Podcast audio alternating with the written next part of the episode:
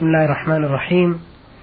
نحمد الله تبارك وتعالى حق حمده ونصلي على خير خلقه نبينا محمد وعلى آله وصحبه أجمعين. مستمعي الكرام سلام الله عليكم ورحمته وبركاته. حياكم الله في لقاء جديد من لقاءات نور على الدرب. نعرض ما وردنا في هذا اللقاء من رسائل على سماحة الشيخ عبد العزيز بن عبد الله بن باز الرئيس العام لإدارات البحوث العلمية والإفتاء والدعوة والإرشاد. وأولى رسائل هذه الحلقة وردت من عبد السميع حسان عبد السميع الشوبكي من مصر محافظة الشرقية. والأخ عبد السميع آه، يطلب أن نبعث له الجواب خطيا وهذا ما لا يمكننا في هذا البرنامج. وننبهه هو وغيره من الإخوة الذين يرغبون في ذلك بأن عليهم أن يكتبوا عناوينهم واضحة في رسائلهم وأن يوجهوا الرسائل إلى الرئاسة العامة للبحوث العلمية والإفتاء والدعوة والإرشاد فهي الجهة التي, التي تقوم بإذن الله بإرسال الأجوبة إليهم خطيا. أما ما يصل إلى الإذاعة فإننا نحاول عرضه ما أمكن عبر الأثير وهذا قدر استطاعتنا. نسأل الله لجميع التوفيق. رسالة الأخ عبد السميع حسان يقول فيها آه، ما حكم استعمال آه، حبوب منع الحمل؟ وما حكم أيضا منع الحمل بطريق آخر غير الحبوب كاللوالب وغيرها؟ أفيدونا أفادكم الله. بسم الله الرحمن الرحيم الحمد لله وصلى الله وسلم على رسول الله وعلى آله وأصحابه ومن اهتدى بهداه. أما بعد فإن الله سبحانه شرع لعباده النكاح لما فيه من الفائدة العظيمة غض البصر وحفظ الفرج ولما فيه من تكثير الأمة وإيجاد النسل. ولهذا قال عليه الصلاة والسلام تزوجوا الولود الودود فإني مكاثر الأمم يوم القيامة. فالسنة للمؤمن أن يبادر بالزواج وهكذا المؤمنة وأن يجتهد في الإنجاب وأسباب الإنجاب لتكثير الأمة ولوجود أولاد يرجى فيهم الخير من الذكور والإناث ويجتهدان عليهما أن يجتهدا في أسباب صلاح الأولاد وقيامهم بما يجب عليهم لله سبحانه ولعباده ولوالديهم. لكن إذا دعت الحاجة لمنع الحمل فلا بأس. كأن تكون المرأة مريضة يشق عليها الحمل لمرض في رحمها أو مرض قرر الأطباء أنه يضره الحمل فتأخذ الحبوب أو العبر لمنع الحمل. كذلك إذا كانت المرأة لديها أولاد كثيرون تلد هذا مع هذا وهذا على هذا ويشق عليها التربية إلا بين وقت وآخر فلا مانع أن تأخذ الحبوب لمنع الحمل أو عملا آخر لمنع الحمل في مدة الرضاع سنة سنتين حتى تستطيع أن تقوم بالتربية وتقوى على مؤونة التربية. أما منع الحمل من غير علة فظاهر الأدلة الشرعية أنه لا يجوز وإنما يجوز عند الحاجة. كالعزل يعزل الرجل عن امرأته للحاجة. والله ولي التوفيق. نعم. بارك الله فيكم وجزاكم الله خيرا. يقول في رسالته أيضا عندنا مقام شيخ في المسجد من قديم الزمان. بعض الناس قالوا نهدمه والبعض الآخر قالوا نتركه. فبماذا تنصحوننا؟ بارك الله فيكم. إذا كان هذا المقام يتبرك به الجهال أو يعتقدون فيه أنه يشفي مرضاهم إذا تمسحوا به وأخذوا من ترابه أو ما أشبه ذلك فهذا يهدم. لأنه من قواعد الشرك ومن أساسات الشرك. فيهدم أما إذا كان المقام للتدريس القرآن وتعليم العلم يعني حجرة أو غرفة أو محل آخر يعني للتدريس القرآن لتعليم العلم فلا بأس بهذا. إذا كان ليس فيه ما يسبب الشرك لا تمسح ولا أخشى من ترابه ولا غلو في الشيخ بدعاء من دون الله وإنما هو مقام بناه ليعلم فيه العلم أو يقرئ فيه القرآن وليس فيه ما يسبب الشرك. وليس فيه ما يدعو إلى الغلو بالشيخ هذا لا حرج فيه. وهذه المقامات في الغالب الذي فيما بلغنا عنها أنها لا تخلو من الغلو وأن الجهل جهلة يقصدونها للتبرك بها والتمسح بها أو دعاء الشيخ فيها أو ما أشبه هذا منكر لا يجوز. ومتى كان المقام يفعل به ذلك وجب أن يزال. كما أزال النبي صلى الله عليه وسلم العزى ومنات واللات وأشبهها من مقامات المشركين وأوثانهم. سدا لباب الشرك وقضاء على أسباب الفتن. نعم. بارك الله فيكم. غالبا ما يكون في هذه المقامات قبور. يعني يكون الشيخ مدفون في المقام. إذا كان فيها قبر هذا أشد وأشد. إذا كان في قبر يجب أن يزال يجب أن يرفع من المسجد. من المسجد. يجب أن ينبش وينقل إلى مقابر المسلمين ويسوى محله في المسجد حتى يكون مصلى للمسلمين. والقبر ينبش ويزال إذا كان موضوعا في المسجد. أما إذا كان المسجد بني عليه من أجله فالمسجد يهدم ويزال وتبقى البقعة مدفنا للناس يدفن فيها والمسجد يزال ويبنى مسجد آخر لأهل الحارة في غير القبور في محل في غير محل هذا القبر حتى لا تقع الفتنة. بارك الله فيكم. وهذه رسالة وردت لنا من السائل صاد عين ألف من المملكة يقول آه إلى أي حد يجوز للمسلم آه إطالة ثيابه وملابسه؟ ثبت عن النبي صلى الله عليه وسلم أنه حد للناس الكعب. فالسنة لا يزيد على الكعب. من نصف الساق إلى الكعب. لا يرتفع عن نصف الساق ولا ينزل عن الكعب. هذا هو السنة. وقال عليه الصلاة والسلام ما أسفل الكعبين من الإزار فهو في النار. فلا يجوز له أن يجر إزارة أو سراويله أو بشته أو قميصه تحت الكعب. بل يجب منع ذلك والقضاء عليه. هذا هو الواجب على كل رجل. والإسبال من المنكرات العظيمة. فيجب الحذر منه وهو في الغالب يقع عن الكبر والخيلاء والتعاظم. ولهذا قال عليه الصلاة والسلام إياك والإسبال فإنه من المخيلة يعني من الخيلاء من الكبر. وقال عليه الصلاة والسلام من جر ثوبه خيلاء لم ينظر الله إليه يوم القيامة. وقال أيضا عليه الصلاة والسلام ثلاثة لا يكلمهم الله ولا ينظر إليهم يوم القيامة. ولا يزكيهم ولهم عذاب أليم. المسبل إزارة والمنان فيما أعطى والمنفق سلعته بالحديث الكاذب خرجه مسلم في صحيحه فجعل منهم المسبل هذا يدل على عظم التحريم وأنه من الكفائر وهكذا من ينفق سلعته بالحديث الكاذب أيضا قد أتى كبيرة عظيمة أو يمن في العطية يعطي ويمن. والله يقول سبحانه يا أيها الذين آمنوا لا تبطلوا صدقاتكم بالمن والأذى. فالإسبال من الكبائر فيجب الحذر من ذلك والبعد عنه هذا في حق الرجال. أما المرأة فلها أن ترخي ثيابها حتى تستر أقدامها. نعم. بارك الله فيكم. وهل يشمل سماحة الشيخ آه، المنع أيضا الأكمام أكمام اليدين؟ لا أعلم في هذا شيئا إلا أن جمع من العلم نصوا على أن السنة يكون إلى الرسل لا يزيد. من طرف الكم إلى الرسل نص الكف من الذراع. وكان هذا هو المعروف في قمص النبي صلى الله عليه وسلم إلى الرسل. هذا هو الأفضل والأولى. فلو زاد شيئا على ذلك لا أعلم ما يحرمه. لكن المؤمن يتحرى هذا الشيء لأن لا حاجة في الزيادة. نعم. الزيادة هذه قد تؤذيه عند الأكل وغيره نعم. أثابكم الله. نعم. يسأل أيضا ويقول ما حكم الشرع في أن يترك الرجل فراشة أو غطاء أو غطاء نومه لا يغسلهما آه، عن النجاسات بل يتركهما حتى ييبسا. وهل تنجس الثياب إذا جلس عليها أحد من الناس؟ ينبغي إذا أصاب الفراش نجاسة يغسل. وهكذا الهداء يغسل. وكذا المسائد لأن الإنسان قد يأتي إليها وعليه ملابس رطبة أو جسمه رطب فيتنجس بها. فالواجب أن تغسل وتطهر حتى إذا وطئ عليها بيده رطبة أو جلس عليها بثوب رطب.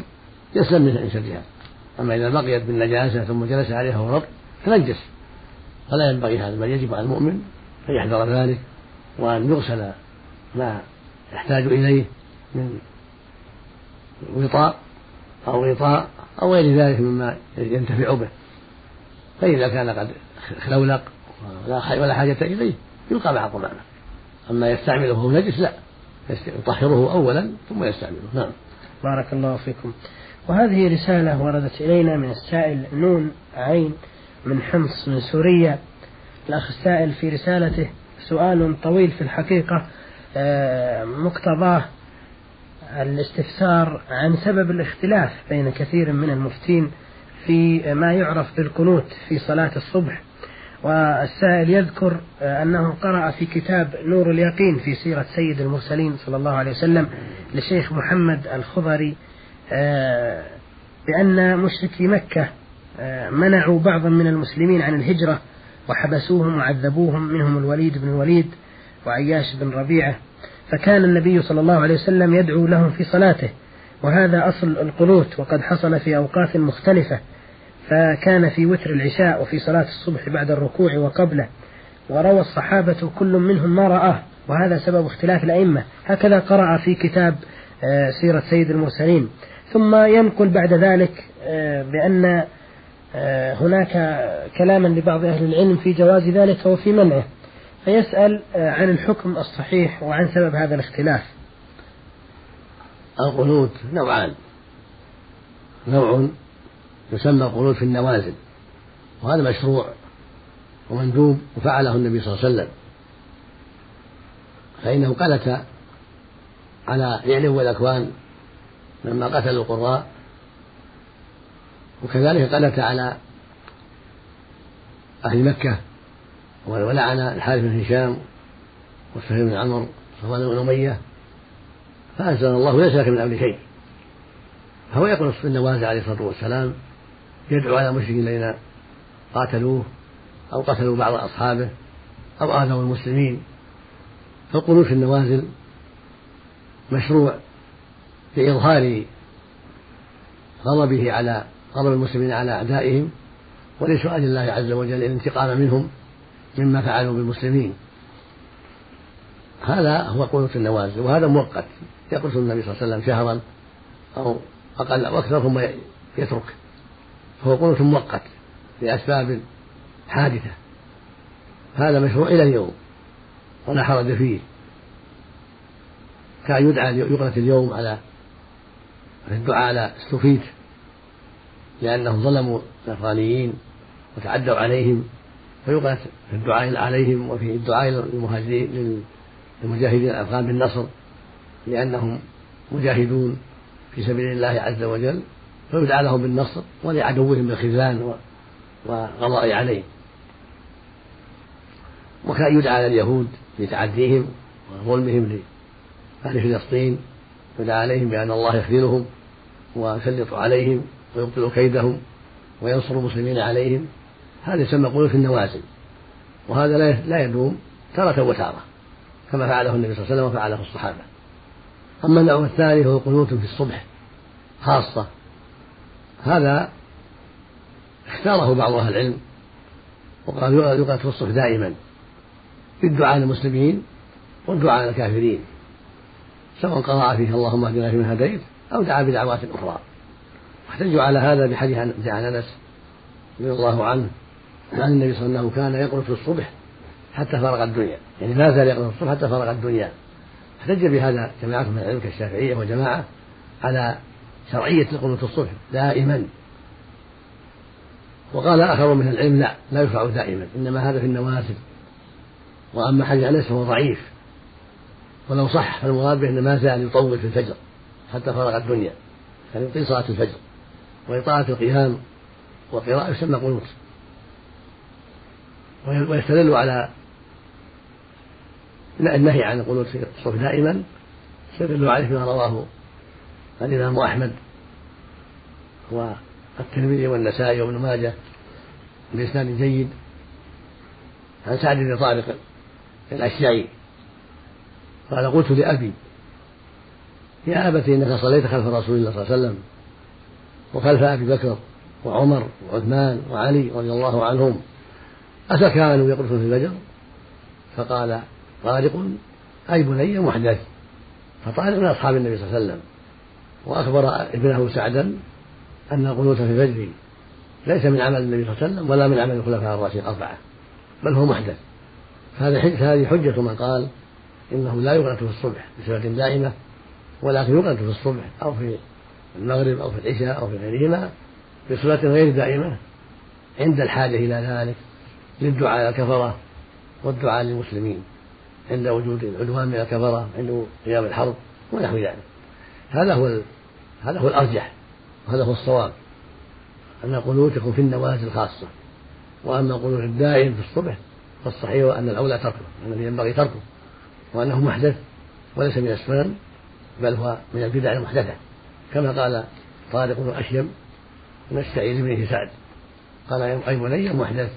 هذا هو الأرجح من قولي العلماء في هذه المسألة. وسبب الخلاف عرفت أيها السائل أن أسباب الخلاف حديث أنس حيث قال فيه فأما في الصبح فلم يغلط حتى فرق الدنيا. وحديث رواه أحمد بن حبان وجماعة لكنه ضعيف الإسناد. وحمله بعض أهل العلم على أنه لو صح لكان المراد به طول القيام لأن طول القيام يسمى قنوتا والنبي كان يطيل في الفجر عليه الصلاة والسلام. وأما حديث سعد فهو, فهو حديث صريح واضح في رواية على فيه عن نفس القضية. فقال طارق أي ولي محدث. يعني ما فعله الرسول صلى الله عليه وسلم ولا خلفاءه الراشدون الأربعة فدل ذلك على أنه محدث وليس من المشروع. والله ولي التوفيق. بارك الله فيكم. الأخ السائل نون عين من حمص من سوريا في الحقيقة رجل غيور جزاه الله خيرا. فهو ذكر هنا عدة قضايا تتعلق باختلاف الفتوى في أمور هامة ويذكر أنها في قضية مثل قضية الموسيقى والغنى ويذكر أن مجلة عربية تصدر في بلد عربي أفتت بأنه لا يفتي بتحريم الغنى أو الموسيقى إلا متزمت جهول. ثم يسوق أيضا ألوانا في أعداد مختلفة من هذه المجلة آه، تبيح السفور آه، المحتشم. هكذا قالت هذه المجلة في غير تبرج أو خلاعة وأن الإسلام لا يدعو إلى الحجاب المتزمت الذي نراه في الكثير من البلاد العربية والبلاد الإسلامية. ثم يسوق أيضا قضية حول مسألة التصوير وأن هذه المجلة آه، تشكك في الحديث الذي ورد في صحيح البخاري وتدعي أنه مدسوس في كتب الحديث. وما شأن المصورين حتى يكون عذابهم يوم القيامة أشد من القتلة أو من الزناة أو اللصوص. وإذا كان التصوير حراما فلماذا لم ينهى القرآن عنه صراحة؟ إلى غير ذلك. ويقول الأخ السائل لماذا يسمح لمثل هذه المجلات بالتطاول على الإسلام ويسأل عن الحكم الشرعي الصريح في هذه القضايا الثلاث؟ هذه المجلة وأشباهها ينبغي أن تمنع وينبغي يقضى عليها لأن هؤلاء المتكلمين فيها بهذا الكلام ليس عندهم علم ولا بصيرة ولا أدب شرعي. حتى الأدب الشرعي ليس عندهم أدب شرعي. هذه المسائل بينها أهل العلم وأقاموا عليها الدليل. فلا وجه للاعتراض من جاهل مركب لا درى ولا درى أنه ما درى. هذا جاهل مركب أو متعمد للباطل والفسق. فالموسيقى والأغاني أمرها أمرهما معلوم. الموسيقى من آلات الملاهي كالعود والطنبور والغنى من أخبث الملاهي فكلاهما محرم. والشعر العربي لا يدخل في ذلك. الأشعار العربية في لحون العرب فيما أباح الله كشري حسان وكعب بن مالك وغيرهم من بعدهم من الشعراء على الطريقة العربية فيما أحل الله. لا بأس به. أما الأغاني من النساء أو من أشباه النساء بالألحان وتطريب وذكر حالات النساء من جمال وحب وغرام هذا محرم عند أهل العلم. بل حكاه بعضهم إجماعا. ولم يخالف فيه إلا من لا يعتد بخلافه. فالموسيقى وآلات الملاهي من العود والطنبور والرباب كلها محرمة وكلها شر. وهكذا الأغاني من النساء وغير النساء فيما يتعلق بالحب والغرام وذكر النساء صفات النساء وما يتعلق بهذه الأمور أو مدح الخمر أو مدح ما حرم الله كله محرم. وهكذا مسألة السفور منكر ودلت الأدلة على منعه. ومن ذلك قوله سبحانه وتعالى وإذا سألتموهن متاعا فاسألوهن من وراء حجاب. ذلكم أطهر لقلوبكم وقلوبهن. فربنا عز وجل يأمر بالحجاب ويخبرنا أنه أطهر لقلوب الجميع. ويقول سبحانه في كتابه العظيم ولا يبدين زينتهن إلا لبعولتهن أو آبائهن أو آباء بعولتهن أو أبنائهن إلى آخر الآية. فكيف يقال في هذا إنه متزمت؟ وإنما هذا كلام إنسان لا يعقل أو لا يستحي. فالحاصل أن هذا منكر السفور منكر. لو قال إن إن هناك بعض الأدلة تدل على إباحة السفور وترك القول بالتزمت لكان هذا من طريق أهل العلم. هناك من يقول بالسفور إذا كان لا, لا يضر. أما سفور فيه الزينة والجمال وفيه آه، وضع الأصباغ على الوجه ونحو ذلك فلا يبيحه أحد. وهو منكر عند أهل العلم. وإنما أباح بعض الناس السفور الذي ليس معه زينة في الوجه لا كحل ولا أشياء من الزينة في الوجه وهو قول ضعيف أيضا ومرجوح والصواب أنه محرم وأن الواجب الحجاب مطلقا ولو كانت لم تفعل شيئا في الوجه من أنواع الزينة من أصباغه والكحل ونحو ذلك فإن الوجه زينة المرأة وهو عنوانها وقد كنا يكشفن وجهها قبل الحجاب. فلما نزل الحجاب أمر الله النساء بالحجاب وأمره النبي صلى الله عليه وسلم بالحجاب. وثبت في الصحيحين عن عائشة رضي الله عنها قالت لما سمعت صوت صفوان حين وجدها ليس عندها أحد يقول إنا لله وإنا إليه راجعون. قالت حمرت وجهي. وكان قد رآني قبل الحجاب فعرفني لما رآني. فلما سمعت صوته حمرت وجهي. فدل ذلك على أنهن قبل الحجاب يكشفن الوجه وبعد الحجاب أمرن بستر الوجه معهم الآية التي تلونا سابقا وهي قوله سبحانه وإذا سألتمون متاعا فاسألوهن من وراء الحجاب ولم يقل إلا الوجه. ثم قال ذلكم أطهر لقلوبكم وقلوبهن. وقال ولا يبدين زينتهن إلا لبعولتهن ولم يقل إلا الوجه فلا بأس بإبداعه المطلقة. هذا الكلام الذي قاله صاحب المجلة كلام سقيم كلام ردي لا ينبغي لعاقل أن يقوله. وأما التصوير فقد جاء في عدة أحاديث. ليست عند البخاري وحده بل عند البخاري وعند مسلم وعند أهل السنة الأربعة وعند الإمام أحمد في مسنده وعند مالك في موطئه وعند الدارمي في سننه. رواها الأئمة. بأسانيد صحيحة. عن أبي هريرة وعن ابن عباس وعن عائشة وعن علي بن أبي طالب وعن غير وعن جماعة آخرين وعن أبي جحيفة. كلها تدل على تحريم التصوير لذوات الأرواح. في الصحيحين من حديث عائشة ومن حديث ابن عباس أشد الناس عذابا يوم القيامة المصورون وفي حديث عائشة أيضا إن أصحاب هذه يعذبون يوم القيامة ويقال أحيوا ما خلقتم. وفي حديث أبي جحيفة يقول رضي الله عنه إن الرسول صلى الله عليه وسلم لعن آكل الربا وموكله ولعن المصور. ويقول في حديث علي لا تدع صورة إلا طمستها ولا قبر مشرك إلا سويته. ويقول في حديث عباس من صور صورة كل فينفخ فيها الروح وليس بنافخ ويقول في حديث عباس أيضا عند الصحيحين عند البخاري ومسلم كل مصور في النار. يجعلها بكل صورة صورها نفس بعد في جهنم. والعلة في هذا والحكمة في ذلك معلومة. فإن الصور من وسائل الشرك. من وسائل عبادة غير الله. وكان النصارى إذا مات في ميت الصالح بنوا على قبره مسجدا وصوروا فيه صورته كما قاله النبي صلى الله عليه وسلم. وكانوا يصورون عظماءهم وينصبونها في الطرقات وفي كنائسهم وفي بيعهم. هذا من وسائل العبادة لغير الله سبحانه وتعالى. ثم إذا كان مصور امرأة أو أو أمرد كان أيضا من وسائل فاحشة من وسائل فتنة فالتصوير فيه فتنة وفي شر عظيم. فلهذا حرمه الله سبحانه وتعالى. فلا يجوز لعاقل أو لمسلم أن يقول لماذا أو لماذا أو يعترض على شرع الله سبحانه وتعالى. بل يجب التسليم والانقياد لشرع الله والطاعة لأمر الله ورسوله. هذا هو الواجب على كل مسلم. لكن ذكر بعض العلماء أنه يجوز التصوير عند الضرورة عند الضرورة التي آه، تدعو لهذا مثل ما قد يضطر الإنسان إلى أخذ الحفيظ حفيظ النفوس. التي تسمى التابعية إذا كانت دولة لا تسمح بإعطائه إياها إلا بصورة فيكون مضطرا في هذه الحالة. وقد قال الله سبحانه وقد فصل لكم ما حرم عليكم إلا ما اضطررتم إليه. أو إعطاء رخصة القيادة للسيارات إذا لم يمنع إذا لم يعطى رخصة إلا بصورة في دولته فهو مضطر إلى هذا الشيء. والله يعلم من قلبه أنه يكره الصور فإذا أخذ ذلك مع كراهته لذلك إنما هو لأجل الإكراه والضرورة فلا حرج عليه في ذلك. المقصود أن الاعتراض على شرع الله أمر لا يجوز وأمر منكر.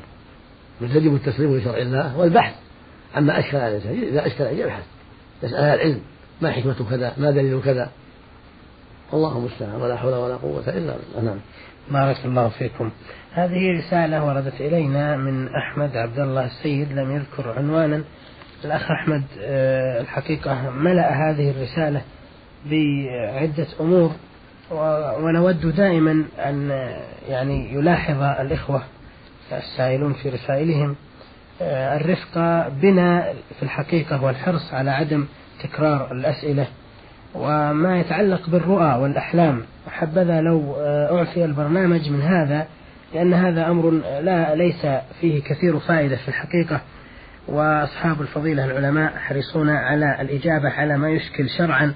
وما يجوز وما لا يجوز وما ينفع الناس. أما ما يتعلق بالرؤى والأحلام فإن هذه أمر آه، ليس من الخطورة بمكان. والأخ السائل ضمن رسالته آه، قصة طويلة حول بركة تدعيها له أمه فنرى آه، أن يعفينا من مثل هذا ولكن في رسالته سؤال لا بأس من عرضه يسأل سماحة الشيخ عن الصدقة قبل الرد التي وردت في حديث شرحه القسطلاني عن البخاري يقول الحث على الإسراع في إخراج الصدقة خشية أن تظهر كنوز الأرض ويكثر المال يسأل عن هذا الحديث وعن المقصود به.